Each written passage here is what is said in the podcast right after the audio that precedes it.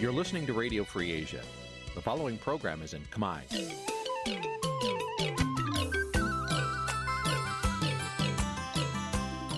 នេះជាកម្មវិធីផ្សាយ Vuthu Azizi Serai នេះជាកម្មវិធីផ្សាយរបស់ Vuthu Azizi Serai ជាភាសាខ្មែរ Vuthu Azizi Serai សូមស្វាគមន៍លោកអ្នកនាងទាំងអស់ពីរដ្ឋធានី Washington នៃសហរដ្ឋអាមេរិក បាទពីរដ្ឋធានីវ៉ាស៊ីនតោនខ្ញុំបាទសេកបណ្ឌិតសូមជម្រាបសួរអស់លោកអ្នកនាងកញ្ញាអ្នកស្ដាប់ទាំងអស់ជាទីមេត្រីយើខ្ញុំសូមជូនកម្មវិធីផ្សាយសម្រាប់ព្រឹកថ្ងៃអាទិត្យខែផុតរបុត្រឆ្នាំឆ្លូវត្រីស័កពុទ្ធសករាជ2565ត្រូវនៅថ្ងៃទី26ខែកញ្ញាគ្រិស្តសករាជ2021បាទជាដំបូងនេះសូមអញ្ជើញអស់លោកអ្នកនាងស្ដាប់ព័ត៌មានប្រចាំថ្ងៃដែលមានមេតិការដូចតទៅ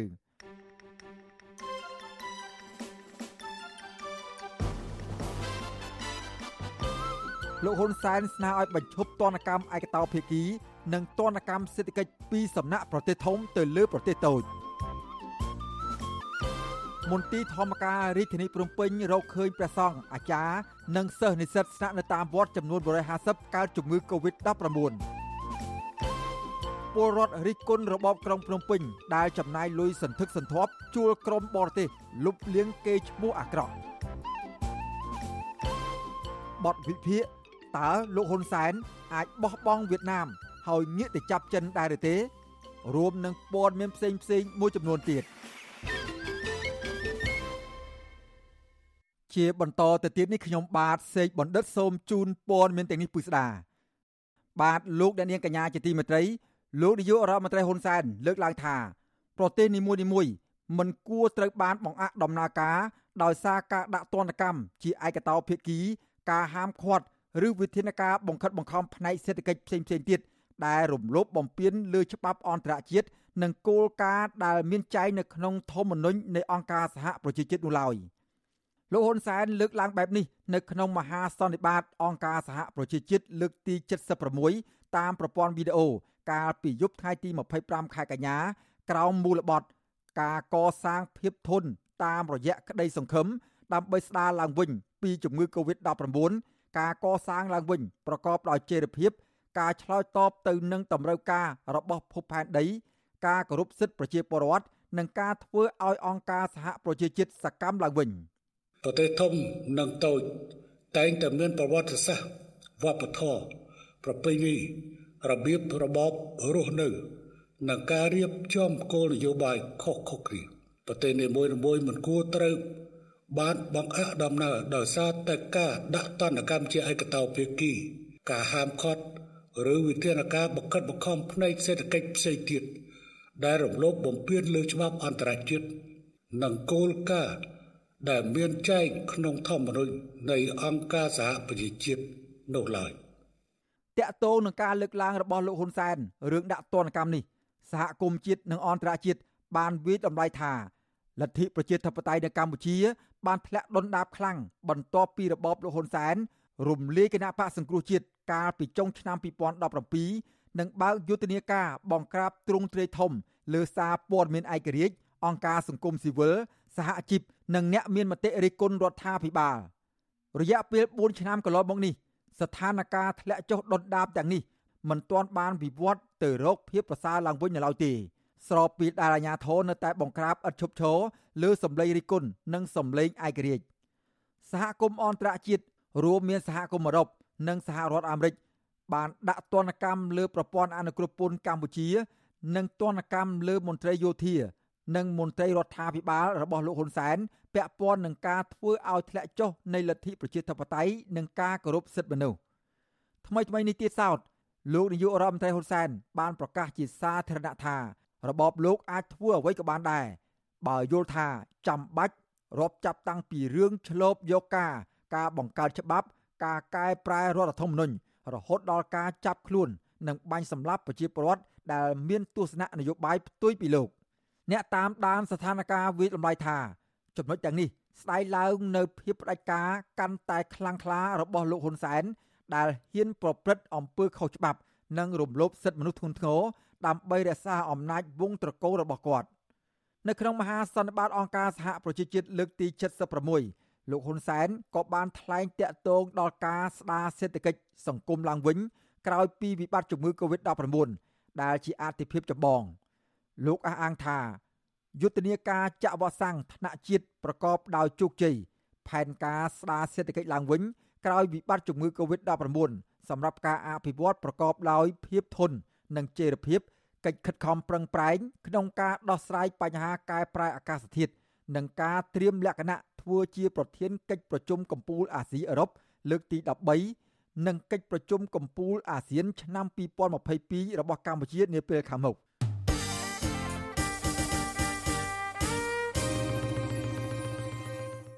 បាទលោកអ្នកនាងកញ្ញាជាទីមេត្រីពាក់ព័ន្ធនឹងរបបដឹកនាំឯកបៈនេះដែរ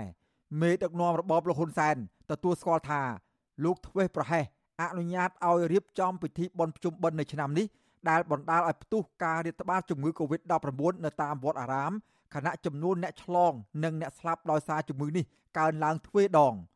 សកម្មជនគណៈបកប្រឆាំងជឿថាលោកហ៊ុនសែនមិនមែនធ្វេសប្រហែសនោះទេប៉ុន្តែទំនងជាលោកចង់សាកគុណភាពវ៉ាក់សាំងចិនច្រើនជាងទើបបានបើកឲ្យមានពិធីបុណ្យកាន់បិណ្ឌនិងភ្ជុំបិណ្ឌកាលពីដំបូងមកម្លេះបាទពីរដ្ឋធានី Washington អ្នកស្រីខែសំណងរាយការណ៍ជំវិញព័ត៌មាននេះលោកនាយករដ្ឋមន្ត្រីហ៊ុនសែនបានប្រកាសផ្អាករៀបចំពិធីបុណ្យកាន់បិណ្ឌនិងភ្ជុំបិណ្ឌចាប់ពីបិណ្ឌទី4ដល់ថ្ងៃពិធីបុណ្យភ្ជុំបិណ្ឌប៉ុន្តែពុទ្ធបរិស័ទអាចយកចង្ហាន់និងទេយ្យទានវត្ថុប្រគេនព្រះសង្ឃដោយមានការសម្របសម្រួលពីអាជ្ញាធរមូលដ្ឋាន លោកហ៊ុនសែនបង្ហោះសារសម្លេងនៅលើបណ្ដាញសង្គម Facebook នៅថ្ងៃទី25ខែកញ្ញាថាការរាតត្បាតជំងឺ Covid-19 នៅតាមទីវត្តអារាមពេលនេះគឺជាបញ្ហាធ្ងន់ធ្ងរនិងគ្រោះថ្នាក់ដល់ជាតិនិងសាសនាប្រមុខរដ្ឋាភិបាលរូបនេះទទួលស្គាល់ថាលោកធ្វេសប្រហែសអនុញ្ញាតឲ្យរៀបចំពិធីបុណ្យកាន់បិណ្ឌនិងភ្ជុំបិណ្ឌអំឡុងការរាតត្បាតជំងឺ Covid-19 ដែលបណ្ដាលឲ្យចំនួនអ្នកឆ្លងនិងស្លាប់ដោយសារជំងឺនេះកើនឡើងជាបន្តបន្ទាប់ លោកបញ្ជាក់ថារដ្ឋាភិបាលសម្រេចផ្អាករៀបចំពិធីកាន់បិណ្ឌនិងភ្ជុំបិណ្ឌវិញ ដើម្បីការពារអាយុជីវិតនិងសុខភាពរបស់ពលរដ្ឋព្រោះតែការជួបជុំនិងប្រមូលផ្ដុំនៅតាមទីវត្តអារាមមិនបានអនុវត្តត្រឹមត្រូវតាមវិធានការសុខាភិបាលខ្ញុំប្រកាសណាខ្ញុំពិតជាមានការព្រឺក្បាលយ៉ាងខ្លាំងប្រសិនបើថ្ងៃនេះមានប្រជាជនទៅតាមវត្តទាំងនោះជំងឺឆ្លងទាំងនោះនឹងឆ្លងទៅតាមទេហដ្ឋានទៅតាមក្រុមគូសារនីមួយៗតែម្ដង នេះយើងគ្រាន់តែយកសំណាក់នៅតាមទីអារាមនៅទីក្រុងភ្នំពេញប៉ុណ្ណោះយើងមិនតាន់បានយកសំណាក់តាមទីអារាមនានានៅតាមបណ្ដាខេត្តនៅឡើយទេលោកហ៊ុនសែនថ្លែងទៀតថារដ្ឋាភិបាលរបស់លោកបានចាក់វ៉ាក់សាំងបង្ការជំងឺ Covid-19 ជូនប្រជាពលរដ្ឋបានចំនួន7.13លាននាក់ក្នុងចំណោមអ្នកដែលត្រូវចាក់វ៉ាក់សាំងចំនួន14លាននាក់ប៉ុន្តែចំនួនអ្នកឆ្លងកើនឡើងវិញលោកលើកហេតុផលថាវ៉ាក់សាំងដែលចាក់ជូនប្រជាពលរដ្ឋកន្លងមក គ្រាន់តែជួយកុំឲ្យអ្នកជំងឺធ្លាក់ខ្លួនឈឺធ្ងន់ធ្ងរនិងស្លាប់ប៉ុណ្ណោះតែលោកថាការដែលប្រកាន់នៅវិធានការសុខាភិបាលទៅវិញទេទើបជៀសផុតការឆ្លងជំងឺ Covid-19 ជុំវិញរឿងនេះជំទប់ទី2ឃុំក្តីរុនស្រុកពួកខេត្តសៀមរាបលោកឈុនវៀនដែលកំពុងភៀសខ្លួននៅប្រទេសថៃលើកឡើងថា ការផ្អាកពិធីបុណ្យកាន់បិណ្ឌនិងភ្ជុំបិណ្ឌនៅតាមទីវត្តអារាមនេះបានធ្វើឲ្យលោកដាក់ការសង្ស័យថាលោកហ៊ុនសែនទំនងជាចង់ធ្វើតេស្តសាកល្បងលើគុណភាពវ៉ាក់សាំងរបស់ចិនយុវជនរូបនេះមើលឃើញថាវិធានការសុខាភិបាលនិងយុទ្ធសាស្ត្រដែលរបបលោកហ៊ុនសែនពឹងផ្អែកលើវ៉ាក់សាំងបង្ការជំងឺ Covid-19 របស់ចិនកន្លងមកនោះគឺមិនទាន់ធានាប្រសិទ្ធភាពដើម្បីការពារសុខភាព និងជីវភាពរស់នៅរបស់ប្រជាពលរដ្ឋបាននៅឡើយទេ ចឹងបើសិនជាការបិទជាបន្តបន្ទាប់បិទមួយផ្នែកឬក៏ទុកមួយផ្នែកនឹងអាចជាការពិសោធន៍នៃវ៉ាក់សាំងចិនតែម្ដងព្រោះយើងឃើញថាក្នុងឡុងពេលដែលចិនបានមកទស្សនកិច្ចនៅក្នុងប្រទេសកម្ពុជាឡងទៅប្រហែលថ្ងៃនេះគឺថាដូររបស់ចិនដែលឲ្យមកប្រទេសកម្ពុជាទី1គឺជាវ៉ាក់សាំងវាជាកិច្ចសហប្រតិការមួយរវាងកម្ពុជាជាមួយនឹងចិនក្នុងការយកវ៉ាក់សាំងរបស់ចិនមកពិសោធន៍នៅក្នុងប្រទេសកម្ពុជាអានេះយើងគួរមានការព្រួយបារម្ភតើតិនទៅនឹងបញ្ហានេះ អ្នកសិក្សាស្រាវជ្រាវការអភិវឌ្ឍសង្គមបណ្ឌិតសេងសារី សង្កេតឃើញថាការផ្ទុះរាលដាលជំងឺ Covid-19 នេះបណ្ដាលមកពីការជួបជុំរបស់ប្រជាពលរដ្ឋនៅតាមផ្ទះដោយមិនអនុវត្តតាមវិធានសុខាភិបាលពេញលេញផង និងប្រសិទ្ធភាពទប់ស្កាត់របស់អាជ្ញាធរពាក់ព័ន្ធផងលោកគាំទ្រដល់រដ្ឋាភិបាលសម្រាប់ចាត់ផ្អាកពិធីបុណ្យកាន់បិណ្ឌនិងភ្ជុំបិណ្ឌដោយផ្អែកទៅលើទិន្នន័យបច្ចេកទេស និងលក្ខណៈវិទ្យាសាស្ត្រ លោកមើលឃើញថាកន្លងមកការសម្រេចចិត្តរបស់លោកនាយករដ្ឋមន្ត្រីហ៊ុនសែនមិនបានផ្អែកទៅលើលក្ខណៈវិទ្យាសាស្ត្រសុខាភិបាលនោះទេប៉ុន្តែការសម្រេចចិត្តនៅពេលនេះ ហាក់បង្ហាញចំហស្របទៅនឹងអ្នកបច្ចេកទេសនិងទទួលយកមតិរិះគន់ដើម្បីប្រយោជន៍ទប់ស្កាត់ជំងឺ Covid-19 បើសិនជារដ្ឋាភិបាលមានឆន្ទៈនៅក្នុងការចាប់ផ្ដើមស្ដាប់ឬក៏ព្យាយាមយល់អំពីគំនិតផ្ទុយហើយយកគំនិតផ្ទុយហ្នឹងមកជាធាតុចូលនៅក្នុងការសម្រេចចិត្តក្នុងការអនុវត្តការងារដើម្បីឲ្យដំណើរការដឹកនាំរដ្ឋវាប្រសើរឡើងវាមានផលប្រយោជន៍ដល់ពលរដ្ឋអាហ្នឹងខ្ញុំគិតថាវាជារឿងមួយដែលគួរឲ្យចាប់អារម្មណ៍ខ្ញុំគិតថាពលរដ្ឋបច្ចុប្បន្ននេះលោកយល់ថាតើវារបបបែបណាដែល ជាការសម្ដែងវាបបែរណាជាការធ្វើការពិតប្រាកដវិធានការប្រយុទ្ធប្រឆាំងនឹងជំងឺ Covid-19 របស់រដ្ឋាភិបាលកម្ពុជាត្រូវបានសាធារណជន និងអ្នកតាមដានស្ថានភាពមួយចំនួនរិះគន់ថាជាវិធានការដែលមានលក្ខណៈនយោបាយច្រើនជាង លក្ខណៈបច្ចេកទេសព្រោះសេចក្តីសម្រេចចិត្តភាកច្រើនចេញមកពីលោកហ៊ុនសែនដោយមិនឆ្លើយតបបានត្រឹមត្រូវនឹងទាន់ពេលវេលាដល់ពលរដ្ឋនោះទេ ជាពិសេសលោកតែងតែច្រានចោលនៅមតិផ្ទុយនានា ជាងនេះទៅទៀត ទោះជាកម្ពុជាមានវ៉ាក់សាំងកាន់តែច្រើនក៏ដោយក៏តួលេខអ្នកឆ្លងថ្មី និងអ្នកស្លាប់ដោយសារជំងឺ Covid-19 មិនបានថមថយនោះឡើយចា៎នាងខ្ញុំខែសុណងវັດឈូអាស៊ីសេរីរាយការណ៍ពីរដ្ឋធានី Washington បាទលោកអ្នកនាងកញ្ញាជាទីមេត្រីពាក់ព័ន្ធនឹងការឆ្លងជំងឺ Covid-19 ទៅតាមទីវត្តអារាមនេះដែរមន្ទីរធម្មការនិងសាសនារាជធានីភ្នំពេញបានរកឃើញព្រះសង្ឃគណៈកម្មការអាចារ្យសិស្សនិស្សិត ដែលស្នាក់នៅតាមវត្តអារាមចំនួន150ក្នុងរាជធានីភ្នំពេញវិជ្ជមានជំងឺ Covid-19 នៅក្នុងចំណោមសំណាក់ចំនួន790,000អង្គនឹងអ្នកប្រធានមន្ត្រីធម្មការនិងសាសនារាជធានីភ្នំពេញលោកទេពគង្គាបានប្រាប់សារព័ត៌មានក្នុងស្រុកឲ្យដឹងថាព្រះសង្ឃនៅក្នុងរាជធានីភ្នំពេញមានជិត8000អង្គក៏ប៉ុន្តែមានព្រះសង្ឃប្រមាណ500អង្គបាននិមន្តទៅក្រៅប្រទេសដោយជាប់ការបិទគប់និងធ្វើចតាលិស័កនៅទីនោះ។ និងមានប្រសង់មួយចំនួនទៀតបាននិមន្តទៅតាមបណ្ដាខេត្តចូលរួមបុណ្យព្រះវស្សានៅទីនោះតែម្ដងមន្ត្រីធម្មការដដាលបញ្ជាក់ថាវត្តនៅក្នុងរាជធានីភ្នំពេញមានចំនួន154វត្តតែពេលនេះវត្តដែលបានយកសំណាក់រោគមេរោគ COVID-19 មានចំនួន150វត្តចំណែកវត្ត4ទៀតមានវត្តខ្លះបានយកសំណាក់រួចហើយនិងវត្តខ្លះមានលទ្ធភាពក៏យកសំណាក់ដោយខ្លួនឯង។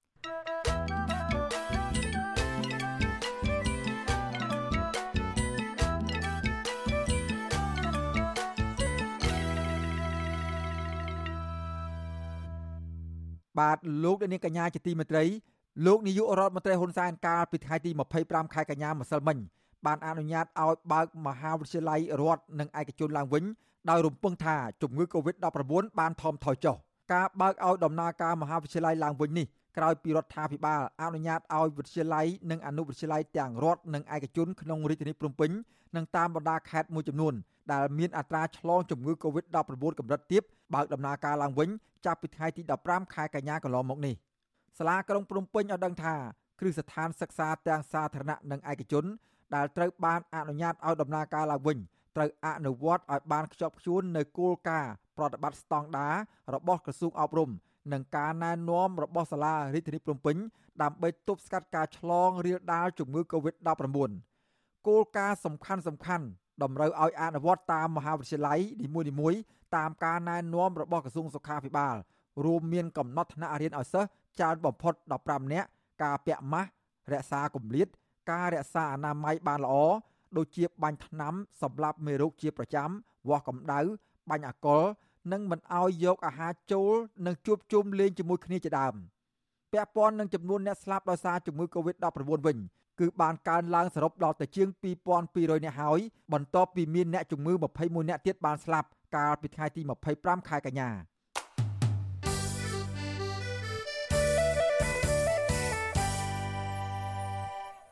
បាទលោកនាងកញ្ញាជាទីមេត្រីលោកនាងកំពុងតាមដានស្ដាប់ការផ្សាយរបស់វិទ្យុអាស៊ីសេរីពីរដ្ឋធានីវ៉ាស៊ីនតោនសហរដ្ឋអាមេរិក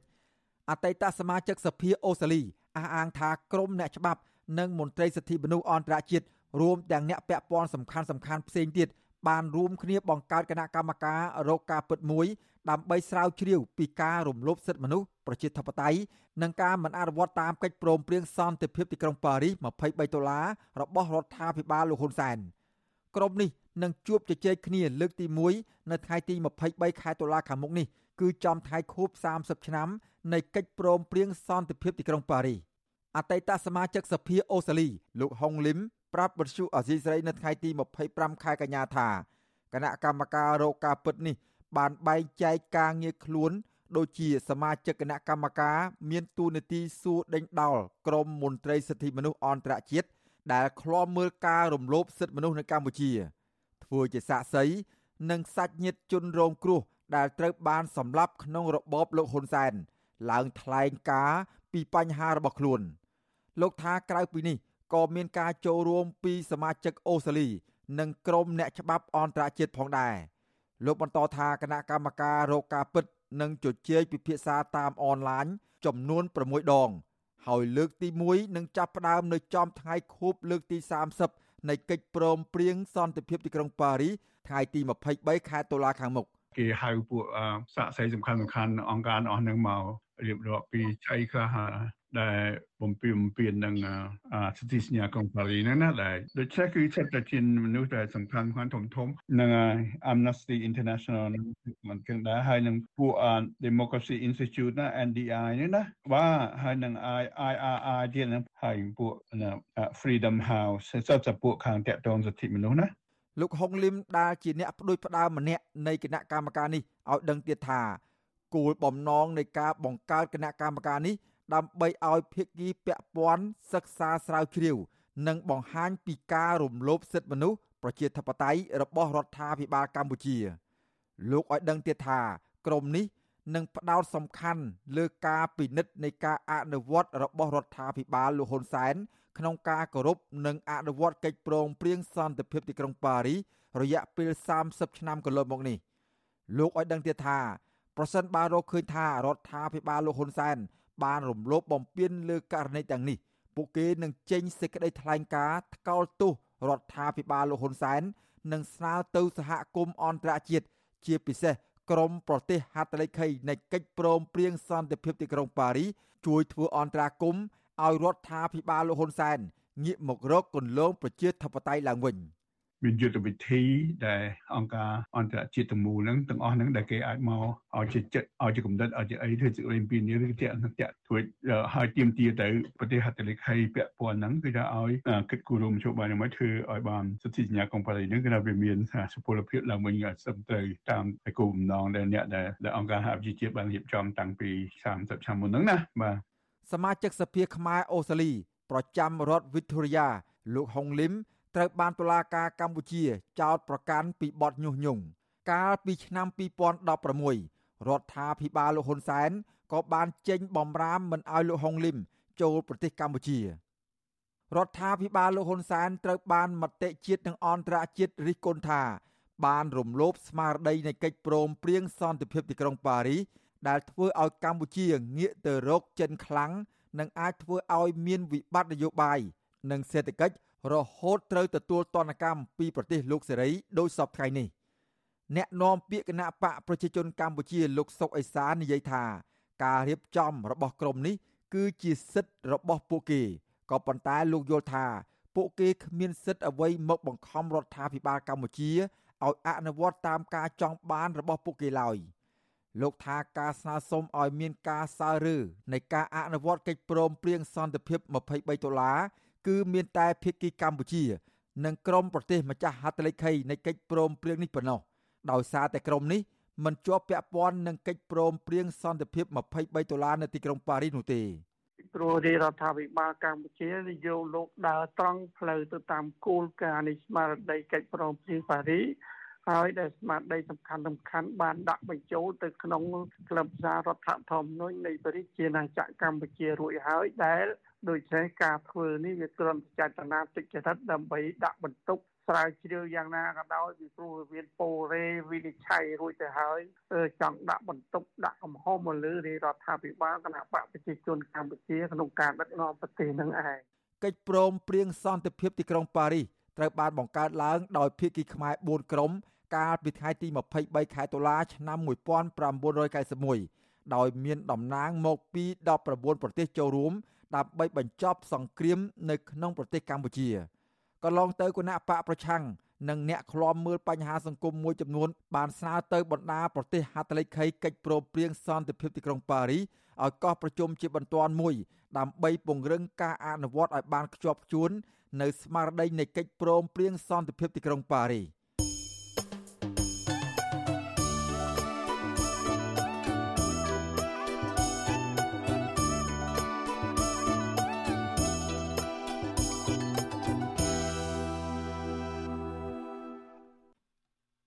បាទលោកអ្នកនាងកញ្ញាជាទីមេត្រីអ្នកចូលរួមយុទ្ធនាការបញ្ចប់អំពើនីតិរដ្ឋភាពនៃគណៈបកសង្គ្រោះជាតិបានចុះហត្ថលេខាគាំទ្រយុទ្ធនាការនេះបានជាង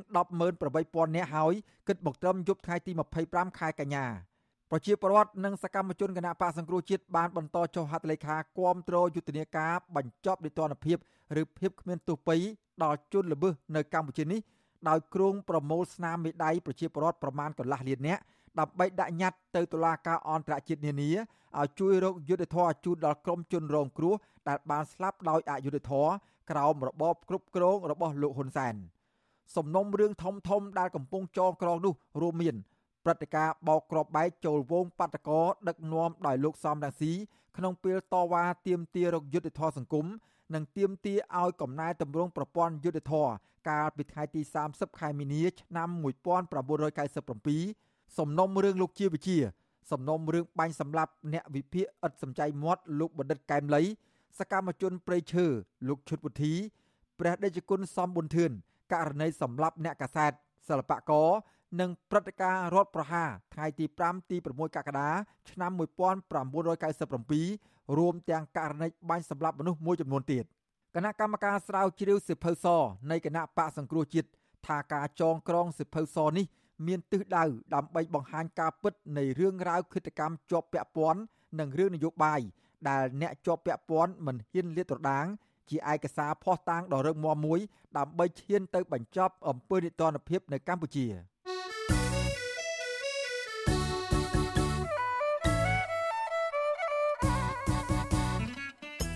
បាទលោកអ្នកនាងកញ្ញាដែលកំពុងតាមដានស្ដាប់ការផ្សាយរបស់វិទ្យុអសីសេរីទាំងអស់ជាទីមេត្រី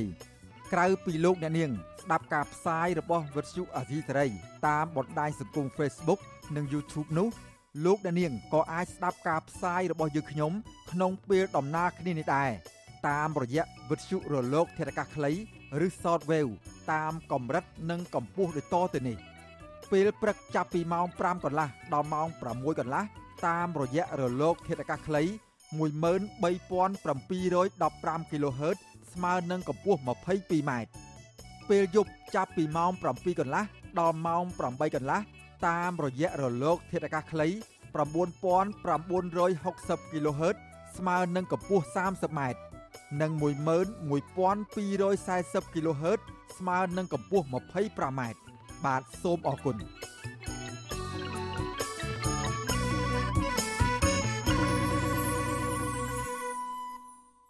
បាទលោកអ្នកនាងកញ្ញាជាទីមេត្រីលោកអ្នកនាងកំពុងតាមដានស្ដាប់ការផ្សាយរបស់វិទ្យុអសីស្រីពីរដ្ឋធានី Washington សហរដ្ឋអាមេរិកលោកនាយករដ្ឋមន្ត្រីហ៊ុនសែននិងគណៈបកប្រជាជនកម្ពុជា ដែលត្រូវបានវៀតណាមលើកបន្ទប់ឲ្យកាន់អំណាចនៅកម្ពុជា ក្រោយការដួលរំទៅនៃរបបខ្មែរក្រហមហាក់បានងាកចេញបន្តិចម្ដងបន្តិចម្ដង ពីឥទ្ធិពលទីក្រុងហាណូយទៅចាប់យកទីក្រុងប៉េកាំងដែលជាគូវិវាទរបស់វៀតណាមនៅសមុទ្រចិនខាងត្បូង។ បច្ចុប្បន្នទីក្រុងប៉េកាំងហាក់កំពុងមានព្រៀបខ្លាំងជាងវៀតណាមក្នុងការអូសទាញលោកហ៊ុនសែននិងគណៈបកប្រជាជនកម្ពុជាឲ្យកាន់តែជិតស្និទ្ធជាមួយចិនតើនៅពេលខាងមុខកម្ពុជាក្រោមការដឹកនាំរបស់លោកហ៊ុនសែនអាចបោះបង់វៀតណាមទាំងស្រុងហើយងាកទៅចាប់ចិនដែរឬទេ បាទលោកនាងនឹងបានស្ដាប់បទវិភាគអំពីរឿងនេះនាពេលបន្តិចទៀតបាទសូមអរគុណ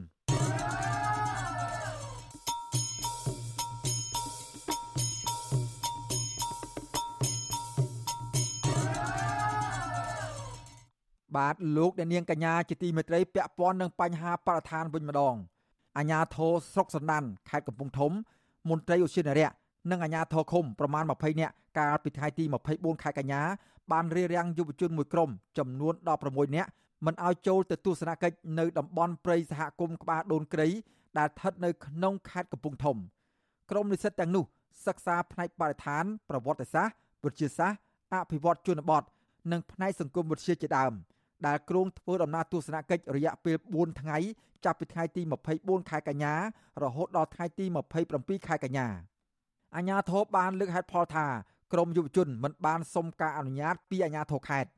ក៏ប៉ុន្តែបន្ទាប់ពីក្រមយុវជននាំគ្នាតវ៉ាចំពោះការស្នើសុំមុនចុះកម្មសិក្សានេះបែរជាអាជ្ញាធរលើកហេតុផលផ្សេងៗទៅវិញគឺហាមការជួបជុំដោយអនុវត្តតាមវិធានបង្ការនិងទប់ស្កាត់ការរីករាលដាលនៃជំងឺ Covid-19 យុវតីសាយលឹមជូអាយុ23ឆ្នាំ ជានិស្សិតជំនាញវិទ្យាសាស្ត្រសម្ដែងការខកចិត្តជាខ្លាំងចំពោះការហាមឃាត់នេះកញ្ញាថាអាញាធរគួរតែអនុវត្តតាមការណែនាំរបស់លោកហ៊ុនសែនអំពីសារៈសំខាន់នៃការចូលរួមការពារធនធានធម្មជាតិពីគ្រប់ភាគីទាំងអស់រាប់ទាំងយុវជនផងដែរនោះអឺជាការសំណូមពររបស់ខ្ញុំក្នុងនាមជាយុវជនយើងគ្រាន់តែចង់ឃើញឲ្យមានការបើកទូលាយផ្នែកសិទ្ធិសេរីភាពនៃការចូលរួមក្នុងកិច្ចការងារសង្គម កិច្ចការងារការពារព្រៃឈើក៏ដូចជាកិច្ចការងារការពារធនធានធម្មជាតិខ្ញុំគិតថាពាក្យសម្ដីនេះក៏ខាងក្រសួង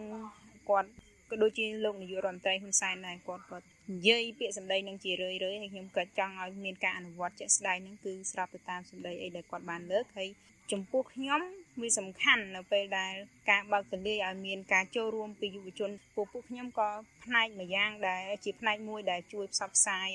ទលំទលាយអំពីការយល់ដឹងផ្នែកបរិស្ថាននិងផ្នែកការពារធនធានធម្មជាតិនឹងផងដែរចំណែកយុវជនធូរិតអាយុ21ឆ្នាំជានិស្សិតផ្នែកប្រវត្តិសាស្ត្រអះអាងថាក្រមយុវជន នៅតែបន្តការងារចូលរួមកិច្ចការសង្គមបើទោះបីជាមានការរារាំងក៏ដោយយុវជនរូបនេះបន្តថាក្រមយុវជន នៅតែបន្តបដិញ្ញាចិត្តចូលរួមយ៉ាងសកម្មក្នុងការស្វែងយល់ពីប្រជើទោះជាមានការហាមឃាត់ក៏ដោយ សម្រាប់ខ្ញុំដែលជាយុវជននឹងខ្ញុំនឹងធ្វើសកម្មភាពការចូលរួមបែបនឹងបន្តទៀតព្រោះជាប្រជាពលរដ្ឋមួយនឹងគេដែរហើយយើងមិនដែលបានស្គាល់ស្រុកទេសស្គាល់ព្រៃខ្លួនឯងអញ្ចឹងវាដូចជាដើរក្នុងស្នូកអញ្ចឹងអញ្ចឹងបើទោះបីជាមានការប្រឈមយ៉ាងណាក៏ដីខ្ញុំនៅតែមានចំណងចំណូលចិត្តខាងផ្នែកហ្នឹងហើយនៅតែបន្តការសិក្សាទាំងអស់គ្នាទៀតហើយអាចនឹង ណែនាំឲ្យមិត្តភ័ក្តិចូលរួមជាមួយនឹងពួកខ្ញុំដើម្បីស្វែងយល់ពីព្រៃឈើយើងទាំងអស់គ្នាហើយយើងមិនអាចធ្វើលើសព្រំដែនដែលរដ្ឋឬក៏ច្បាប់បានកំណត់ទេយើងគ្រាន់តែដើរទៅតាមអ្វីដែលច្បាប់បានចែងមកវិទ្យុអសីស្រីនៅពុំទាន់អាចតាក់ទងសុំការបំភ្លឺបន្ថែមអំពីរឿងនេះពីមន្ត្រីស្រុកសណ្ដានបាននៅឡើយទេ កាលពីយប់ថ្ងៃទី25ខែកញ្ញាដោយសារទូរស័ព្ទហៅចូលតែគ្មានអ្នកទទួល បញ្ហារារាំងក្រមយុវជននិងចាប់ខ្លួនសកម្មជនការពីប្រៃឈើនេះកើតឡើងជារឿយៗដោយមន្ត្រីក្រសួងបរិស្ថាននិងអាជ្ញាធរមូលដ្ឋាន តែងតែចោទប្រកាន់ថាសកម្មជនទាំងនេះធ្វើសកម្មភាពខុសច្បាប់ និងគ្មានការអនុញ្ញាតក៏ប៉ុន្តែក្រមជលល្មើសនៅតែបន្តលួចចូលទៅកាប់ឈើយកទៅលក់ឲ្យក្រុមហ៊ុនកែច្នៃឈើដែលមានទីតាំងនៅតំបន់ព្រៃអភិរក្សបន្ថែមពីលើនេះក្រមសកម្មជនបរិស្ថានរកឃើញបទល្មើសព្រៃឈើនិងធ្វើរបាយការណ៍ជាបន្តបន្ទាប់ ដើម្បីឲ្យក្រសួងបរិស្ថាន និងអាជ្ញាធរបង្ក្រាបបទល្មើសទាំងនោះក៏ប៉ុន្តែក្រសួងតែងតែច្រានចោលដោយពុំបានសិក្សា និងពិនិត្យរបាយការណ៍ទាំងនោះឲ្យបានច្បាស់លាស់ឡើយ។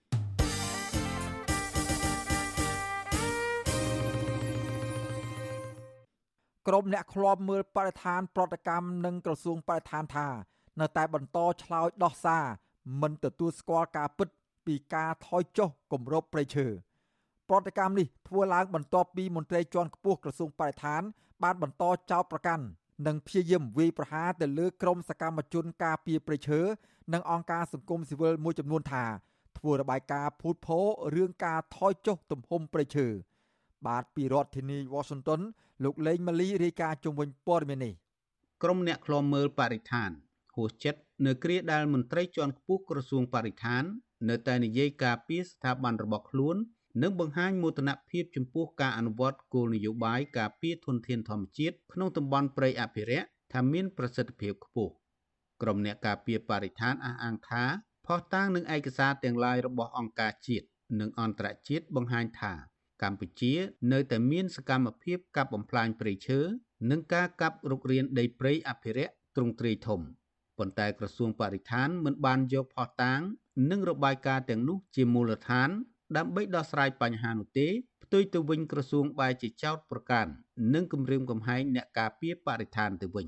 សកម្មជនការពារព្រៃឈើលោកហេងស្រស់យល់ថាព្រៃឈើគ្រប់តំបន់អភិរក្សនៅតែប្រឈមការថយចុះយ៉ាងគំហុកដោយសារសកម្មភាពកាប់រុករានទន្ទ្រានព្រៃដើម្បីយកដីធ្វើជាកម្មសិទ្ធិនិងកាប់ឈើធ្វើអាជីវកម្មខុសច្បាប់លោកបន្តថាការលើកឡើងរបស់មន្ត្រីជាន់ខ្ពស់ក្រសួងបរិស្ថាន ដែលថាក្រមសកម្មជន និងអង្គការសង្គមស៊ីវិលធ្វើរបាយការណ៍មិនពិតរឿងបាត់បង់ព្រៃឈើនោះគ្រាន់តែជាការនិយាយការពារមុខមាត់ក្រសួងបរិស្ថានប៉ុណ្ណោះលោកថាការនិយាយបែបនេះមិនអាចរកដំណោះស្រាយវិបត្តិព្រៃឈើបានជោគជ័យនោះទេ ហើយបញ្ហាប្រឈមនៅតែកើតឡើងដដែលដដែលលោកអំពីវនីវឲ្យក្រសួងបរិស្ថានអនុញ្ញាតឲ្យពលរដ្ឋចូលល្បាតព្រៃឈើឡើងវិញ ដើម្បីរួមចំណែកការពារភោគទ្រព្យជាតិ ដែលនៅសេសសល់ចុងក្រោយឲ្យបានគង់វង្ស យើងមិនទាន់មានឃើញថារបាយការណ៍របស់ខាងក្រសួងបរិស្ថានប្រក្រាបទៅលើក្រុមអ ுக ្រិតជនធំធំណាមួយដើម្បីឲ្យវាសមស្របទៅនឹងការបាត់បង់ព្រៃឈើនៅក្នុងប្រទេសកម្ពុជាទេជាក់ស្ដែងដូចជាបណ្ដាលអង្គការមួយចំនួនដែលរកស៊ីការកាប់បំផ្លាញព្រៃឈើនៅតំបន់ភ្នំព្រេងកាលពីឆ្នាំ2017 2018ហ្នឹងអាហ្នឹងជារបាយការណ៍ទាំងអស់កុហកសូម្បីតែលោកសៅសខាហ្នឹងក៏កុហកដែរអញ្ចឹងនេះវាជាសាមញ្ញទៅហើយសម្រាប់ខ្លួនគាត់ដែលជាអ្នកចេញមុខចេញមាត់ដើម្បីនិយាយកែលម្អក្នុងស្ថាប័នរដ្ឋរបស់គាត់ហ្នឹងបាទជាមួយគ្នានេះ ប្រធានផ្នែកកម្មវិធីស្រាវជ្រាវនិងតស៊ូមតិនៃសមាគមបណ្ដាញយុវជនកម្ពុជា លោកហេងកំហុងមើលឃើញថាក្រមសកម្មជនបរិស្ថានបានរកឃើញបទល្មើសព្រៃឈើនិងធ្វើរបាយការណ៍ជាបន្តបន្ទាប់ដើម្បីឲ្យក្រសួងបរិស្ថាននិងអាជ្ញាធរបង្ក្រាបបទល្មើសទាំងនោះប៉ុន្តែលោកថាក្រសួងតែងតែច្រានចោលភ្លាមភ្លាមដោយពុំបានសិក្សានិងពិនិត្យរបាយការណ៍ទាំងនោះឲ្យបានច្បាស់លាស់ឡើយ លោកជំរុញឲ្យក្រសួងកែប្រែអរិយាប័ត្រនេះឡើងវិញដោយត្រូវទទួលយករបាយការណ៍ទាំងឡាយដើម្បីឈានទៅដោះស្រាយវិបត្តិព្រៃឈើឲ្យមានប្រសិទ្ធភាពុំ វិញការលៀបពណ៌មកលើសកម្មជនខ្ញុំយល់ថាកន្លងមកមិនដែលមានសកម្មជនណានិយាយថាស្រុកខ្មែរអស់ព្រៃទេប៉ុន្តែសកម្មជនតែងតែផ្សព្វផ្សាយអំពីការរកឃើញបាត់ល្មើសប្រហែលជាក្រសួងបរិស្ថាននឹងមិនបានយកចិត្តទុកដាក់នៅពេលដែលមានការផ្សព្វផ្សាយដែរពីព្រោះអីសកម្មជនតែងតែផ្សព្វផ្សាយថាមានកើនការកើនឡើងនៃបាត់ល្មើសឬក៏ការរកឃើញនៃបាត់ល្មើសតែប៉ុណ្ណោះដើម្បីបង្ហាញទៅថាឲ្យមានចំណាត់ការប៉ុន្តែបើសិនជាក្រសួងមិនព្រមចំណាត់ការមិនមែនជាគោលនយោបាយរបស់រដ្ឋទេ សកម្មជននិងមន្ត្រីអង្គការសង្គមស៊ីវិលបញ្ចេញប្រតិកម្មបែបនេះគឺបន្ទាប់ពីអ្នកនាំពាក្យក្រសួងបរិស្ថាន លោកនេតភត្រាបានថ្លែងក្នុងឱកាសដាក់ឲ្យប្រើប្រាស់របាយការណ៍ស្ថានភាពបរិស្ថានលើកទី4និងសិភៅធនធានគម្របព្រៃឈើកម្ពុជាឆ្នាំ2018កាលពីថ្ងៃទី23កញ្ញាថាការផ្សព្វផ្សាយព័ត៌មានរបស់ក្រមសកម្មជនមួយចំនួនជុំវិញការបាត់បង់ព្រៃឈើនៅកម្ពុជានាពេលកន្លងទៅនោះជារឿងមិនពិត។ លោកថ្លែងទៀតថាសៀវភៅនិងរបាយការណ៍ថ្មីរបស់ក្រសួងនេះគឺជាផុសតាងរឹងមាំបង្ហាញថាក្រមសកម្មជនបរិស្ថាននិងអង្គការសង្គមស៊ីវិលមួយចំនួនតូចមិនអាចបន្តភូតកុហកពិភពលោកបានទេតាក់ទងនឹងការផ្សព្វផ្សាយព័ត៌មានមិនពិតពីកម្ពុជា ថាកម្ពុជាអស់ព្រៃឈើនិងកាប់បំផ្លាញព្រៃឈើច្រើនជាងគេលើពិភពលោកលោកនេតភេត្រាបញ្ជាក់ថាក្រសួងបរិស្ថានបានរៀបចំបង្កើតតំបន់ការពារធម្មជាតិ មានផ្ទៃដីសរុបជាង7លានហិកតាហើយបានបែងចែកតំបន់គ្រប់គ្រង ការបោះបង្គោលព្រំបណ្ដុះបណ្ដាលមន្ត្រីជំនាញបំពាក់ឧបករណ៍និងសម្ភារៈចាំបាច់ពង្រឹងការងារល្បាត ជាពិសេសការបង្ក្រាបបទល្មើសព្រៃឈើវិទ្យុអស៊ីសេរីនៅពុំទាន់អាចតាក់ទងសុំការបំភ្លឺបន្ថែមរឿងនេះពីអ្នកនាំពាក្យក្រសួងបរិស្ថាន លោកនេតភេត្រាបាននៅឡើយទេ នៅថ្ងៃទី24កញ្ញាដោយសារទូរស័ព្ទហៅចូលតែគ្មានអ្នកលើក បើតាមរបាយការណ៍ថ្មីរបស់ក្រសួងបរិស្ថានគម្របព្រៃឈើឆ្នាំ2018មានជាង8លានហិកតាឬស្មើនឹងជិត47%ធៀបនឹងផ្ទៃដីសរុបទូទាំងប្រទេសក្រសួងបញ្ជាក់ថាលទ្ធផលនេះរួមបញ្ចូលទាំងផ្ទៃដីចំការកៅស៊ូចំការដូងប្រេងនិងដំណាំហូបផ្លែដទៃទៀតជាដើម។ ប៉ុន្តែសកម្មជនបរិស្ថានយល់ឃើញថាផ្ទៃដីចំការកៅស៊ូចំការដូងប្រេងនិងដំណាំហូបផ្លែដទៃទៀតជាដើមដែលគ្រប់គ្រងដោយកម្មសិទ្ធិឯកជនក្រសួងបរិស្ថានមិនគួររាប់បញ្ចូលក្នុងរបាយការណ៍គម្របព្រៃឈើឆ្នាំ2018នោះទេព្រោះធនធានទាំងនោះមិនស្ថិតក្នុងទ្រព្យសម្បត្តិជាតិឬតំបន់ការពារធម្មជាតិដែលគ្រប់គ្រងដោយក្រសួងបរិស្ថាននោះឡើយប្រធានអង្គការប្រឆាំងអំពើពុករលួយទប់ស្កាត់ការបំផ្លាញធនធានធម្មជាតិនិងការពារសិទ្ធិពលរដ្ឋ លោកជាហ៊ានសង្កេតឃើញថាប្រសិនបើពិនិត្យមើលផែនទីតំបន់ការពារធម្មជាតិហាក់នៅសល់ព្រៃឈើធំធេងប៉ុន្តែធាតុពិតពុំដូច្នោះទេ លោកអះអាងថាគ្រប់តំបន់អភិរក្សគ្រប់គ្រងដោយក្រសួងបរិស្ថានទទួលរងការកាប់ឈើធំធំ និងទន្ទ្រានដីមកធ្វើជាកម្មសិទ្ធិដោយករណីទាំងនេះភាគច្រើនប្រព្រឹត្តឡើងដោយបុគ្គលមានលុយមានអំណាច និងយកពលរដ្ឋជាខែលលោកថាជាក់ស្ដែងគ្រាន់តែដែនជំរកសត្វព្រៃភ្នំអរ៉ាល់ មានផ្ទៃដីជាង200,000ហិកតាបច្ចុប្បន្នបានក្លាយជាដីចម្ការគ្រប់គ្រងជាកម្មសិទ្ធិឯកជនអស់ប្រមាណ70%ស្របពេលដែលព្រៃស្រោង និងឈើមានតម្លៃបានបាត់បង់អស់ទាំងស្រុងនៅរយៈពេល10ឆ្នាំចុងក្រោយនេះ និតមើលនៅលើតំបន់ការពារហ្នឹងគឺវាអស់ហើយបាទអស់ហើយពោពេញទៅដោយចំការរបស់ពលរដ្ឋអស់ហើយហើយមួយផ្នែកទៀតគឺមិនទាន់បានដាំដំណាំក៏ប៉ុន្តែមានការទន្ទ្រានហើយក៏មានការដកហូតជាបន្តបន្តប៉ុន្តែការដកហូតនោះវាអត់មានប្រសិទ្ធភាពត្រង់ថាយើងមិនអនុវត្តដោយការដកហូតអញ្ចឹងស្មើនឹងអត់ដដែលទេរបាយការណ៍ក្រសួងបរិស្ថានបង្ហាញថាគិតចាប់ពីឆ្នាំ2016មកដល់ឆ្នាំ2020 កម្ពុជាបានលក់ឥណទានកាបូនទទួលបានថវិកាជាង11លានដុល្លារលើសពីនេះកម្ពុជាកំពុងសិក្សានិងអនុវត្តគម្រោងឥណទានកាបូនសាកល្បង ក្នុងដែនជម្រកសត្វព្រៃឡង់ក្នុងខេត្តស្ទឹងត្រែងជាមួយក្រុមហ៊ុនជប៉ុនទោះជាយ៉ាងណាក្តីក្រុមអ្នកការពារបរិស្ថាន លើកឡើងថារដ្ឋាភិបាលមិនអាចយកហេតុផលរឿងលក់កាបូននេះដើម្បីបកស្រាយថាព្រៃឈើនៅគង់វង្សនោះទេ ពីព្រោះស្ថានភាពបច្ចុប្បន្ននេះ បទល្មើសព្រៃឈើនៅតែកើតមានសង្គ្រប់ព្រៃអភិរក្សដោយមិនមានការអនុវត្តច្បាប់តឹងរឹងនោះឡើយខ្ញុំបាទលេងម៉ាលីវិទ្យុអាស៊ីសេរីរាយការណ៍ពីរដ្ឋធានី Washington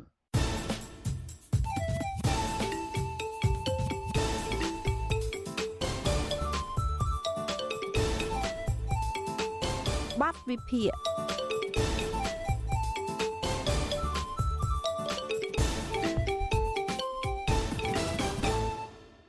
បាទលោកអ្នកនាងកញ្ញាជាទីមេត្រីពាក់ព័ន្ធនឹងតំណែងតំណងការបរទេសរវាងប្រទេសកម្ពុជាវៀតណាមនិងចិនឯនោះវិញ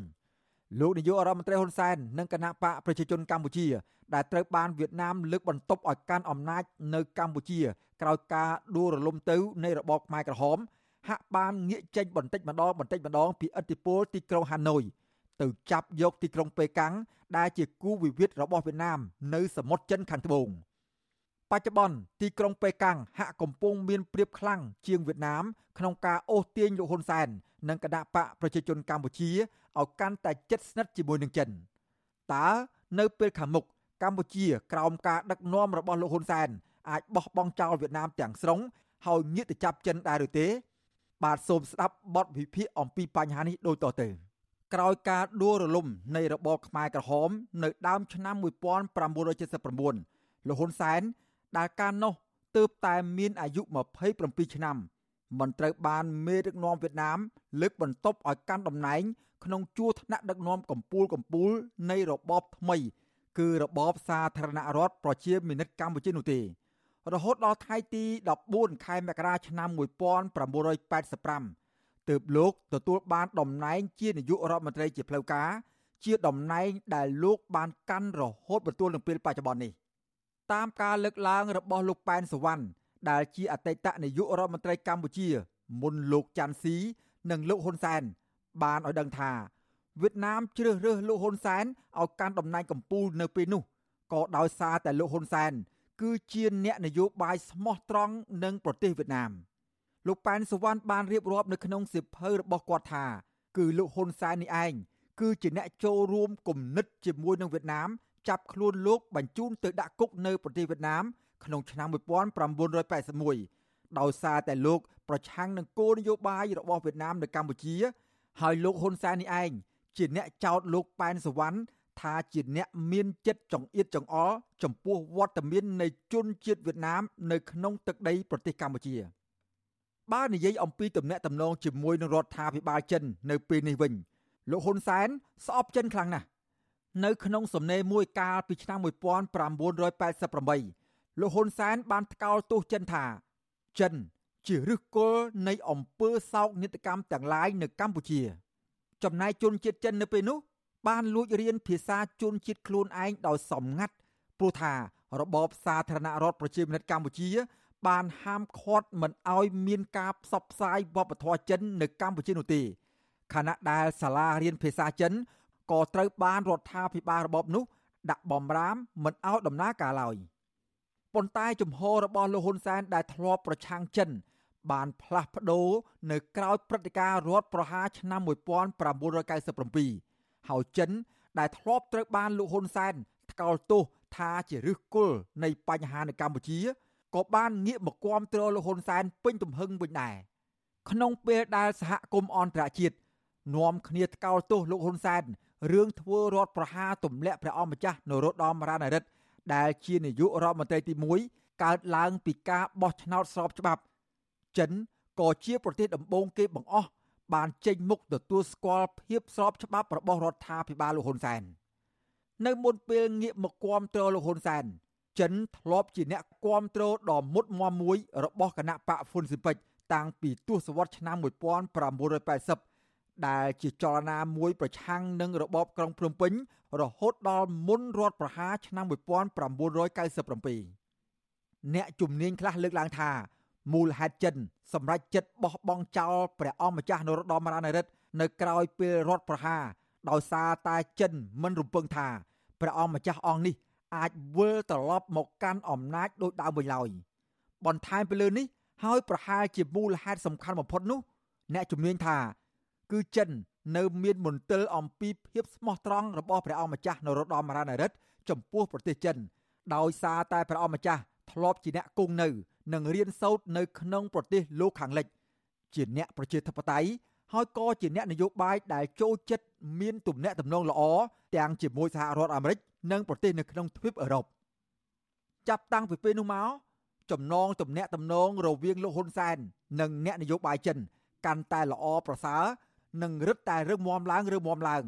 រហូតដល់លោកហ៊ុនសែនប្រកាសចាត់ទុកចិនថាជាមិត្តដ៏អស្ចារ្យ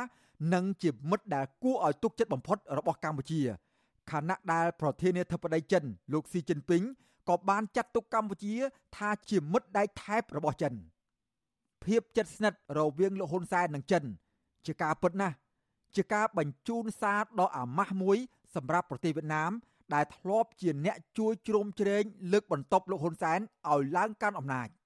ភាពអាម៉ាស់ដែលត្រូវបានគេមើលឃើញថាធ្ងន់ធ្ងរបំផុតមួយ របស់រដ្ឋាភិបាលវៀតណាម នៅចំពោះមុខទំនាក់ទំនងកម្ពុជាចិន គឺជំហររបស់កម្ពុជា លំអៀងខ្លាំងទៅរកភៀកគីចិននៅក្នុងចំនួនសមុទ្រចិនខាងត្បូងដែលមានវៀតណាមជាដៃគូចំនួនជាមួយនឹងចិនលោកហ៊ុនសែនហាក់មិនបានរវីរវល់ឡើយ អំពីផលប្រយោជន៍របស់វៀតណាមនៅសមុទ្រចិនខាងត្បូងការរាំងខ្ទប់មិនឲ្យអាស៊ាន ចេញសេចក្តីថ្លែងការណ៍រួមនៅឆ្នាំ2012ពេលដែលកម្ពុជាធ្វើជាម្ចាស់ផ្ទះគឺជាឧទាហរណ៍ស្រាប់និន្នាការខ្លាំងក្លារបស់លោកហ៊ុនសែនទៅខាងចិននៅពេលនោះត្រូវបានពលរដ្ឋវៀតណាមជាអ្នកលេង Facebook ខ្លះចេញមករិះគន់លោកហ៊ុនសែនចំចំតែម្ដង ដោយចាត់ទុកលោកហ៊ុនសែនថាជាមនុស្សរមើលគុណក្បត់នឹងប្រទេសវៀតណាម ដែលធ្លាប់បានជួយជ្រោមជ្រែងលោកនៅក្នុងអតីតកាលក៏ប៉ុន្តែភាសារិះគន់ធ្ងន់ធ្ងរដូចនេះគេមិនធ្លាប់បានឮចេញពីមាត់របស់អ្នកនយោបាយវៀតណាមនោះឡើយទោះជាយ៉ាងណា ជាការឆ្លើយតបទៅកាន់ពលរដ្ឋវៀតណាម ហើយប្រហែលជាទៅកាន់រដ្ឋាភិបាលវៀតណាមដែរក៏ថាបាន គឺលោកហ៊ុនសែនហាក់មិនបានទុកមុខទុកមាត់ឲ្យវៀតណាម ដែលជាមិត្តចាស់ជិតស្និទ្ធបំផុតនោះដែរលោកហ៊ុនសែន បានឆ្លើយបែបឌឺដងទៅវិញថាវៀតណាមមិនមែនជាឪពុកម្ដាយរបស់លោក ហើយក៏មិនមែនជាស្ដេចឬក៏ជាចៅហ្វាយនាយរបស់លោកនោះដែរអ្នកដែលលោកត្រូវស្មោះត្រង់ជាមួយ គឺពលរដ្ឋខ្មែរព្រះមហាក្សត្រនិងប្រពន្ធរបស់លោក លោកហ៊ុនសែនសុំកុំឲ្យវៀតណាម យករឿងរ៉ាវផ្ទៃក្នុងរបស់ខ្លួន មកទម្លាក់កំហុសលើរូបលោក ចំណែកក្រសួងការបរទេសកម្ពុជា ក៏បានចេញសេចក្តីថ្លែងការណ៍ថ្កោលទោសពលរដ្ឋវៀតណាម ចំពោះការប្រមាថមកលើលោកហ៊ុនសែនផងដែរគេពិបាកប្រកែកណាស់ថាទំនាក់ទំនងរវាងលោកហ៊ុនសែននិងចិន មានភាពល្អប្រសើរជាងទំនាក់ទំនងរវាងលោកហ៊ុនសែននិងរដ្ឋាភិបាលវៀតណាមក្នុងពេលបច្ចុប្បន្នអ្នកជំនាញផ្នែកទំនាក់ទំនងអន្តរជាតិរបស់វៀតណាមខ្លះចាត់ទុកកម្ពុជា ថាជាសម្ព័ន្ធមិត្តរបស់ចិន នៅក្នុងតំបន់រួចទៅហើយដោយសារតែពួកគេមើលឃើញថា កម្ពុជាមានទំនាក់ទំនងល្អជាមួយចិនស្ទើរគ្រប់វិស័យតាំងពីនយោបាយការទូតសេដ្ឋកិច្ចពាណិជ្ជកម្មជំនួយបរទេសសមុទ្រចិនខាងត្បូងគម្រោងខ្សែក្រវ៉ាត់និងផ្លូវនិងកិច្ចសហប្រតិបត្តិការផ្នែកយោធាព្រោះតែបច្ចុប្បន្នចិន គឺជាអ្នកផ្ដល់ជំនួយផ្នែកយោធាច្រើនជាងគេមកដល់របបលហ៊ុនសែនបើប្រៀបធៀបជាមួយនឹងប្រទេសវៀតណាមដែលជាមិត្តចាស់អាចទទួលបានផលច្រើននៅក្នុងទំនាក់ទំនងជាមួយនឹងចិន រាប់តាំងពីនយោបាយសេដ្ឋកិច្ចពាណិជ្ជកម្មការទូតជំនួយការបរទេសនិងយោធាហើយជាពិសេសចិនក៏អាចជាមហាអំណាចដែលអាចការពាររបបលហ៊ុនសែនតាមរយៈការទទួលស្គាល់ភាពស្របច្បាប់នៃរបបរបស់លោកបើទោះបីជាលោកបំផ្លាញលទ្ធិប្រជាធិបតេយ្យឬក៏ធ្វើទុកបុកម្នេញលើសកម្មជននយោបាយសិទ្ធិមនុស្សនិងសង្គមស៊ីវិលយ៉ាងណាក្តីរឿងនេះចិនបានធ្វើជាច្រើនដងរួចមកហើយ ទោះបីយ៉ាងណាក៏ដោយរបបលោកហ៊ុនសែនហាក់មិនបានបោះបង់ចោលប្រទេសវៀតណាមទាំងស្រុងនោះដែរគេសង្កេតឃើញថាការផ្លាស់ប្ដូរដំណើរទស្សនកិច្ចរវាងថ្នាក់ដឹកនាំនិងមន្ត្រីកម្ពុជាកម្ពុជានៃប្រទេសទាំងពីរនៅតែបន្តកើតមានជាហូរហែភាគីទាំងពីរនៅតែបន្តរក្សាទំនាក់ទំនងល្អនៅក្នុងការជំរុញការផ្ដោះប្ដូរពាណិជ្ជកម្មនិងវិនិយោគជាពិសេសនៅស្ទើរតែរាល់ជំនួបថ្នាក់ដឹកនាំនយោបាយនៃប្រទេសទាំងពីរ គេតែងតែបដិញ្ញាគោរពនៅឯករាជ្យអធិបតេយ្យបូរណភាពទឹកដី ការមិនជ្រៀតជ្រែកចូលកិច្ចការផ្ទៃក្នុងនៃប្រទេសរៀងៗខ្លួន ការមិនអនុញ្ញាតឲ្យភាគីណាមួយប្រើប្រាស់ទឹកដីសម្រាប់បង្កអសន្តិសុខដល់ប្រទេសទាំងពីរនិងការសន្យាដោះស្រាយចំនួនរវាងប្រទេសទាំងពីរដោយសន្តិវិធីជាដើម ទំនាក់ទំនងរវាងថ្នាក់ដឹកនាំខេត្តរបស់កម្ពុជាជាមួយនឹងថ្នាក់ដឹកនាំខេត្តដែលជាប់ព្រំប្រទល់ជាមួយនឹងប្រទេសវៀតណាមក៏មានដែរមានការបង្កើនកិច្ចសហប្រតិបត្តិការថែរក្សាសន្តិសុខនៅតាមព្រំដែនការបង្ក្រាបការជួញដូរមនុស្សនិងគ្រឿងញៀនជាដើមលើសពីនេះភាគីវៀតណាមក៏តែងតែស្នើឲ្យរដ្ឋាភិបាលកម្ពុជា ជួយមើលថែទាំពលរដ្ឋវៀតណាមឲ្យដូចប្រជាពលរដ្ឋដទៃទៀត ដែលកំពុងរស់នៅលើទឹកដីកម្ពុជា ក្រៅពីនោះជនជាតិវៀតណាមក៏ត្រូវបានរបបលោកហ៊ុនសែនអនុញ្ញាតឲ្យបង្កើតសមាគមនៅស្ទើរតែគ្រប់ខេត្តក្រុងទូទាំងប្រទេសខណៈដែលស្ទូបអនុស្សាវរីយ៍មិត្តភាពកម្ពុជាវៀតណាមក៏ត្រូវបានសាងសង់ពាសពេញប្រទេសផងដែរបើនិយាយអំពីកិច្ចសហប្រតិបត្តិការនៅក្នុងតំបន់វិញកម្ពុជានិងវៀតណាមក៏នៅមានជំហររួមនៅក្នុងរឿងខ្លះដែរ ដូចជាការរួមគ្នាប្រឆាំងទៅនឹងគម្រោងសាងសង់ទំនប់វារីអគ្គិសនីនៅខ្សែទឹកខាងលើនៃទន្លេមេគង្គរបស់ប្រទេសឡាវដែលអាចបង្កផលប៉ះពាល់ដល់កម្ពុជា និងវៀតណាម ដែលស្ថិតនៅខ្សែទឹកខាងក្រោមនៃទន្លេមេគង្គកម្ពុជាមិនអាចបោះបង់ចោលវៀតណាមបានទាំងស្រុងនោះទេក្រៅតែពីជាសមាជិកអាស៊ានដូចគ្នា និងជាប្រទេសជិតខាងភូមិផងរបងជាមួយគ្នា កម្ពុជានៅមានរឿងសំខាន់សំខាន់មួយចំនួន ដែលត្រូវដោះស្រាយជាមួយភាគីវៀតណាម ជាពិសេសគឺការដោះស្រាយបញ្ហាព្រំដែនគោកដែលនៅសេសសល់និងព្រំដែនទឹកប្រកបដោយភាពចម្រូងចម្រាសរហូតមកទល់នឹងពេលនេះភាគីកម្ពុជានិងវៀតណាមសម្រេចបានការបោះបង្គោលព្រំដែនគោកចំនួន84%រួចមកហើយចំណែកព្រំដែនទឹកវិញ គឺនៅទាំងស្រុងតែម្ដង អ្នកវិភាគធ្លាប់មើលឃើញថាភាពមិនចុះសម្រុងគ្នា រវាងអ្នកនយោបាយខ្មែរ អំពីការកំណត់ព្រំដែនជាមួយនឹងប្រទេសវៀតណាមអាចនឹងធ្វើឲ្យមានបញ្ហាបោះបង្គោលព្រំដែននេះអូសបន្លាយពេលយូរអង្វែងបន្តទៀតក្នុងពេលជាមួយគ្នានេះភាគីវៀតណាមហាក់នៅមិនទាន់មានភាពស្មោះត្រង់ជាមួយនឹងកម្ពុជា អំពីការដោះស្រាយបញ្ហាព្រំដែននេះនៅឡើយទេ ជាញឹកញយវៀតណាម បានលួចសង់បន្ទាយឬក៏ប៉ុស្តិ៍យាមនៅលើតំបន់សឬតំបន់មិនទាន់ដោះស្រាយរួចរាល់នៅតាមបណ្ដោយព្រំដែន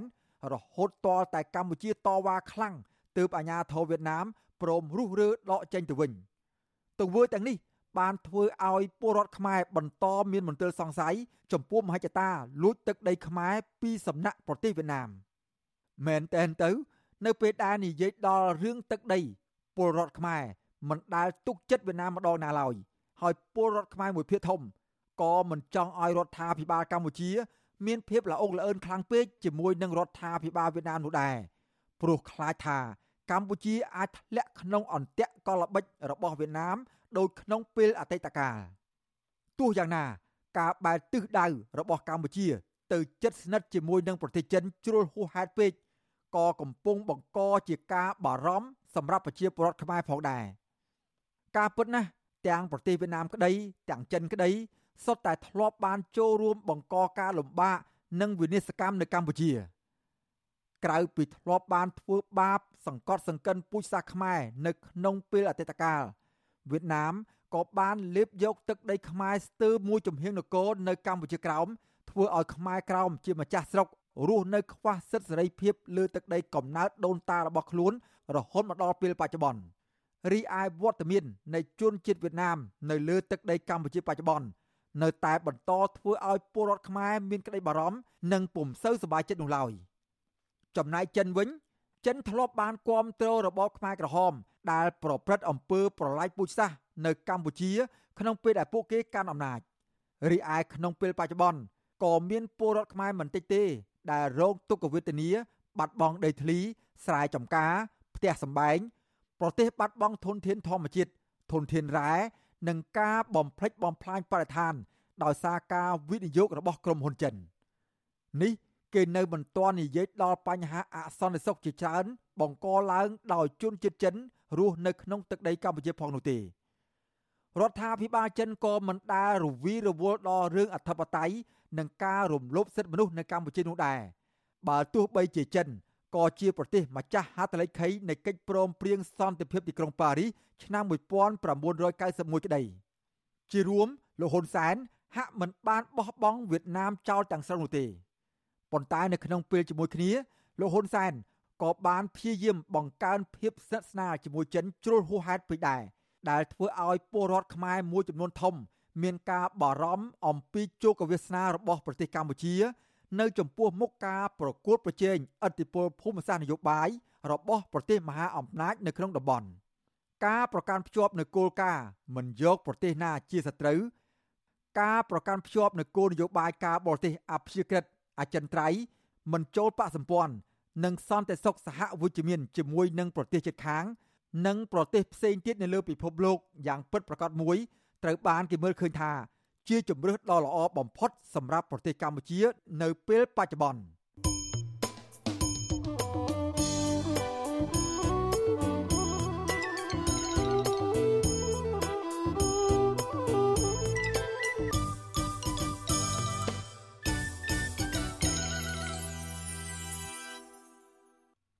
បាទលោកអ្នកនាងកញ្ញាជាទីមេត្រីយុវជនសង្គមនិងយុវជនបកប្រឆាំងមួយចំនួន សោកស្ដាយដែលពួកគេមិនអាចចូលរួមកសាងនិងអភិវឌ្ឍសង្គមដោយសារតែរបបលហ៊ុនសែនកំពុងបង្ក្រាបសម្លេងអ្នកប្រជាធិបតេយ្យនិងសង្គមស៊ីវិលក៏ប៉ុន្តែអ្នកនាំពាក្យគណៈកម្មាធិការសិទ្ធិមនុស្សរដ្ឋាភិបាលថារដ្ឋាភិបាលបានបើកលំហសេរីភាពដល់យុវជន នៅក្នុងសង្គមស្របទៅតាមគោលការណ៍ច្បាប់ បាទពីរដ្ឋធានី Washington លោកទីនសាការីយ៉ារាយការណ៍ពិស្ដារអំពីរឿងនេះយុវជនចូលរួមនៅក្នុងសង្គមគឺជាបញ្ហាអតិភិប ដើម្បីកសាងការអភិវឌ្ឍដោយផ្សារភ្ជាប់ជាមួយកិច្ចការងារសង្គមដែលផ្ដល់សម្លេងដល់ពួកគេតស៊ូមតិតាមតម្រូវការដែលធានាដោយច្បាប់ជាតិនិងអន្តរជាតិពួកគេទាមទាររដ្ឋាភិបាលបើកលំហសិទ្ធិសេរីភាពឲ្យយុវជន បានចូលរួមសកម្មភាពការពារបរិស្ថាន ធនធានធម្មជាតិនិងសង្គមឲ្យបានពេញលេញដោយគ្មានការរារាំង។យុវជនដែលធ្វើការងារសង្គមគឺលោកស្វាយសំណាង លើកឡើងថាលោកបានចូលរួមការងារនេះរយៈពេលជាង7ឆ្នាំមកហើយ ប៉ុន្តែរយៈពេលចុងក្រោយនេះលោកសម្រេចចិត្តផ្អាកសកម្មភាពខ្លះទៅវិញ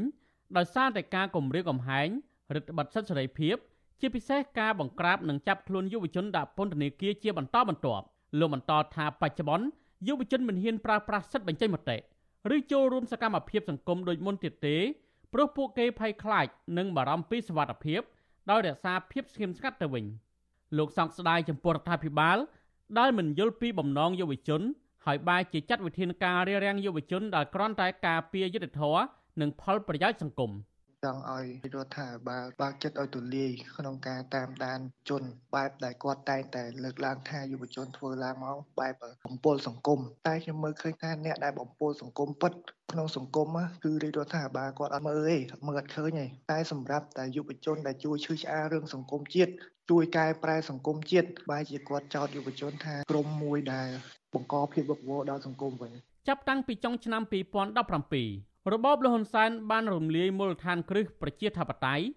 ដោយរដ្ឋបတ်សិទ្ធិសេរីភាពបញ្ចេញមតិការប្រមូលផ្ដុំនិងជួបជុំដោយសន្តិវិធីដែលធានាដោយរដ្ឋធម្មនុញ្ញអញ្ញាធិបបានបង្ក្រាបលើយុវជន សកម្មជននយោបាយសង្គមនិងបរិស្ថានទាំងនោះនៅចន្លោះពីខែសីហាដល់ខែកញ្ញាឆ្នាំ2020និងខែមិថុនាឆ្នាំ2021អញ្ញាធិបបានចាប់ខ្លួនយុវជនជិត20នាក់ដាក់ពន្ធនាគារ ពីបទញុះញង់និងរួមគំនិតក្បត់ បន្ទាប់ពីពួកគេទាមទារឲ្យមានយុត្តិធម៌សង្គមហើយចេញមកការពារបរិស្ថានចំណែកឯយុវជនធ្វើការងារផ្នែកនយោបាយក៏ជួបប្រទះការបង្ក្រាបពីរដ្ឋាភិបាលដែរ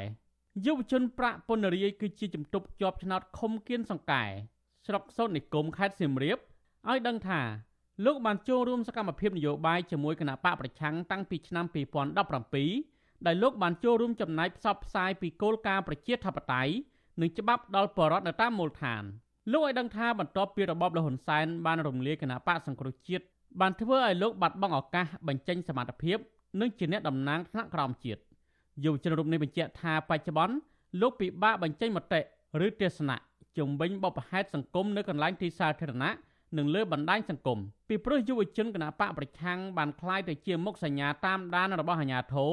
ហើយពេលខ្លះប្រឈមនឹងការចោទប្រកាន់ពីតុលាការទៀតផង ខ្ញុំគិតថាបើក្នុងនាមខ្ញុំជាយុវជននយោបាយវារឹតតែពិបាកទៀតព្រោះយុវជននយោបាយវាខុសពីយុវជនអីផ្សេងផ្សេងអញ្ចឹងការរដ្ឋបတ်ខ្ញុំគិតថាវាខ្លាំងរហូតដល់ពេលខ្លះការនិយាយតាមទីសាធារណៈក៏ខ្ញុំមិនអាចនិយាយបានសូម្បីអ្នកខ្លះគេឃើញខ្ញុំក៏មានការរើសអើងដោយសារយើងធ្លាប់ជាអ្នកនយោបាយប្រឆាំងអញ្ចឹងការរិះគន់នៅក្នុងបណ្ដាញ Facebook មុននឹងយើងផុសអីគឺយើងមានការគិតពិចារណាដែរអញ្ចឹងវាគឺជាការគម្រាមកំហែងមួយហើយ ឆ្លើយតបជំវិញនឹងរឿងនេះសមាជិកនឹងជាអ្នកនាំពាក្យគណៈកម្មាធិការសិទ្ធិមនុស្សរបស់រដ្ឋាភិបាលលោកកតាអន មានប្រសាសន៍ថាការលើកឡើងរបស់យុវជនទាំងនោះមិនត្រឹមត្រូវនោះទេព្រោះច្បាប់និងគោលការណ៍របស់រដ្ឋាភិបាលមិនបានរារាំងសកម្មភាពយុវជនចូលរួមក្នុងកិច្ចការងារសង្គមនោះឡើយលោកអះអាងថាករណីអាជ្ញាធរចាត់វិធានការលើយុវជនសង្គមនិងបកប្រឆាំងកន្លងមកគឺជាការអនុវត្តច្បាប់ដើម្បីការពារនិងរក្សាសន្តិភាពសង្គម។ ការដែលពួកគាត់យល់បែបនេះគឺពួកគាត់មិនបានយល់អ្វីទៅដែលថាសិទ្ធិនិងសេរីភាពរបស់ខ្លួននោះទេសិទ្ធិនិងសេរីភាពរបស់ខ្លួនគឺប្រើប្រាស់នៅក្នុងគោលការណ៍មួយដែលត្រឹមត្រូវមិនមែនមានថាក្នុងអ្វីដែលជាអនាធិបតេយ្យបង្កបញ្ហាដល់សង្គមទេចឹងហើយសកម្មភាពរបស់គាត់មួយចំនួននោះគឺផ្ទុយហើយគាត់បានសំអាងថាជាសិទ្ធិសេរីភាពរបស់គាត់ប៉ុន្តែគាត់បកស្រាយសិទ្ធិសេរីភាពនោះវាខុសច្បាប់ទោះជាយ៉ាងណាយុវជនលើកឡើងថាការបង្ក្រាបនិងការចាប់ខ្លួនយុវជនកន្លងមក គឺជារឿងអយុត្តិធម៌ដោយពួកគេគ្រាន់តែអនុវត្តសិទ្ធិស្របតាមច្បាប់ប៉ុន្តែពួកគេយល់ថាទោះបីជារដ្ឋាភិបាលព្យាយាមរដ្ឋបတ်សិទ្ធិសេរីភាពលើយុវជនយ៉ាងណាក្តីក៏ពួកគេនៅតែបន្តសកម្មភាពជួយសង្គមនេះដដែលយុវជនដែលតែងតែឈឺឆ្អាលបញ្ហាសង្គមនិងធនធានធម្មជាតិកញ្ញាទូចសេរីនិចថ្លែងថាយុវជនដែលហ៊ានលះបង់និងក្លាហានចេញមុខការពារផលប្រយោជន៍សង្គមដោយអហិង្សានិងសន្តិវិធី តែងតែទទួលរងនឹងការធ្វើទុកបុកម្នេញគំរាមកំហែងស្ទើរគ្រប់រូបភាពហើយលើសពីនេះទៀតពួកគេត្រូវបានចាប់ខ្លួនជាបន្តបន្ទាប់ពីសំណាក់អាជ្ញាធរមានសមត្ថកិច្ចទៀតផងកញ្ញាស្នើឲ្យតុលាការទម្លាក់ចោលការចាប់ប្រកាន់និងដោះលែងក្រុមយុវជនសង្គមឲ្យមានសេរីភាពឡើងវិញដើម្បីអនុញ្ញាតឲ្យពួកគេមានឱកាសចូលរួមសកម្មភាពការងារសង្គមតទៅទៀត សមត្ថកិច្ចភិកច្រើនហួងហែងមិនឲ្យធ្វើអញ្ចឹងគាត់គម្រាមកំហែងគ្រប់បែបគ្រប់យ៉ាងអញ្ចឹងតាមគម្រាមយុវជនធ្វើបាបយុវជនអញ្ចឹងកន្លងមកទោះពួកគាត់មានឆន្ទៈតែដូចថាលក្ខណៈថាគាត់ខ្លាចធ្វើចេញមកឲ្យគាត់យុវជនចំនួនក្រោយចំនួនក្រោយឲ្យគាត់មានការភ័យខ្លាចអត់មានការចូលរួមអញ្ចឹងខ្ញុំពិតជាសោកស្ដាយមែនតើមន្ត្រីសង្គមស៊ីវិលសង្កេតឃើញថាបច្ចុប្បន្នសកម្មភាពយុវជនទាក់ទងនឹងបញ្ហាសង្គមបានធ្លាក់ចុះដោយសារតែការរដ្ឋបတ်សិទ្ធិសេរីភាពពីសំណាក់អាជ្ញាធររដ្ឋាភិបាល មន្ត្រីសម្រាប់សម្រួលគម្រោងនៃសមាគមបណ្ដាញយុវជនកម្ពុជា CYN លោកអូតឡាទីនលើកឡើងថាយុវជនជាកម្លាំងចលករបន្តវេនដ៏សំខាន់និងអភិវឌ្ឍសង្គមតែលោកព្រួយបារម្ភថាបើសិនជារដ្ឋាភិបាលមិនបើកលំហសិទ្ធិសេរីភាពដល់ពួកគេពេញលេញទេនោះវានឹងធ្វើឲ្យប៉ះពាល់ដល់ការអនុវត្តគោលការណ៍គ្រឹះប្រជាធិបតេយ្យនិងសកម្មភាពការពារផលប្រយោជន៍សង្គមលោកទទូចដល់រដ្ឋាភិបាលបើកលំហសិទ្ធិសេរីភាពដល់យុវជនគ្រប់និន្នាការទាំងអស់ ដើម្បីចូលរួមសកម្មភាពការពារផលប្រយោជន៍សង្គម។យើង ថាយុវជនគឺជាកម្លាំងចលករនៅក្នុងការអភិវឌ្ឍសង្គមចឹងហើយដល់ពេលដែលយុវជនអត់អត់អាចចូលរួមនៅក្នុងការអភិវឌ្ឍសង្គមអត់អាចចូលរួមនៅក្នុងដំណើរការលើកកម្ពស់សិទ្ធិរបស់ខ្លួនចូលរួមការពារធនធានធម្មជាតិលើកកម្ពស់សិទ្ធិមនុស្សចូលរួមបញ្ចេញមតិទេសង្គមយើងខ្ញុំមើលឃើញថាអាដំណើរការនៅក្នុងការអភិវឌ្ឍនឹងគឺវាមិនងាយអាចទៅបានដោយសន្តិវិធីវាមិនងាយអាចទៅបានដោយរលូនទេវាគឺដំណើរការក្នុងការអភិវឌ្ឍគឺវាមានភាពយឺតយ៉ាវណាយុវជនរូបនេះសង្កត់ធ្ងន់ថាច្បាប់ជាតិនិងអន្តរជាតិ សុទ្ធតែធានាពីសិទ្ធិសេរីភាពរបស់ពលរដ្ឋដែលរដ្ឋាភិបាលត្រូវតែបើកលំហសិទ្ធិសេរីភាពដើម្បីឲ្យប្រជាពលរដ្ឋរួមទាំងយុវជនចូលរួមកសាងនិងអភិវឌ្ឍសង្គមព្រមទាំងគោរពសិទ្ធិមនុស្សស្របតាមគោលការណ៍ប្រជាធិបតេយ្យខ្ញុំទីនសាការីយ៉ាអសិលសេរីប្រធានីវ៉ាស៊ីនតោន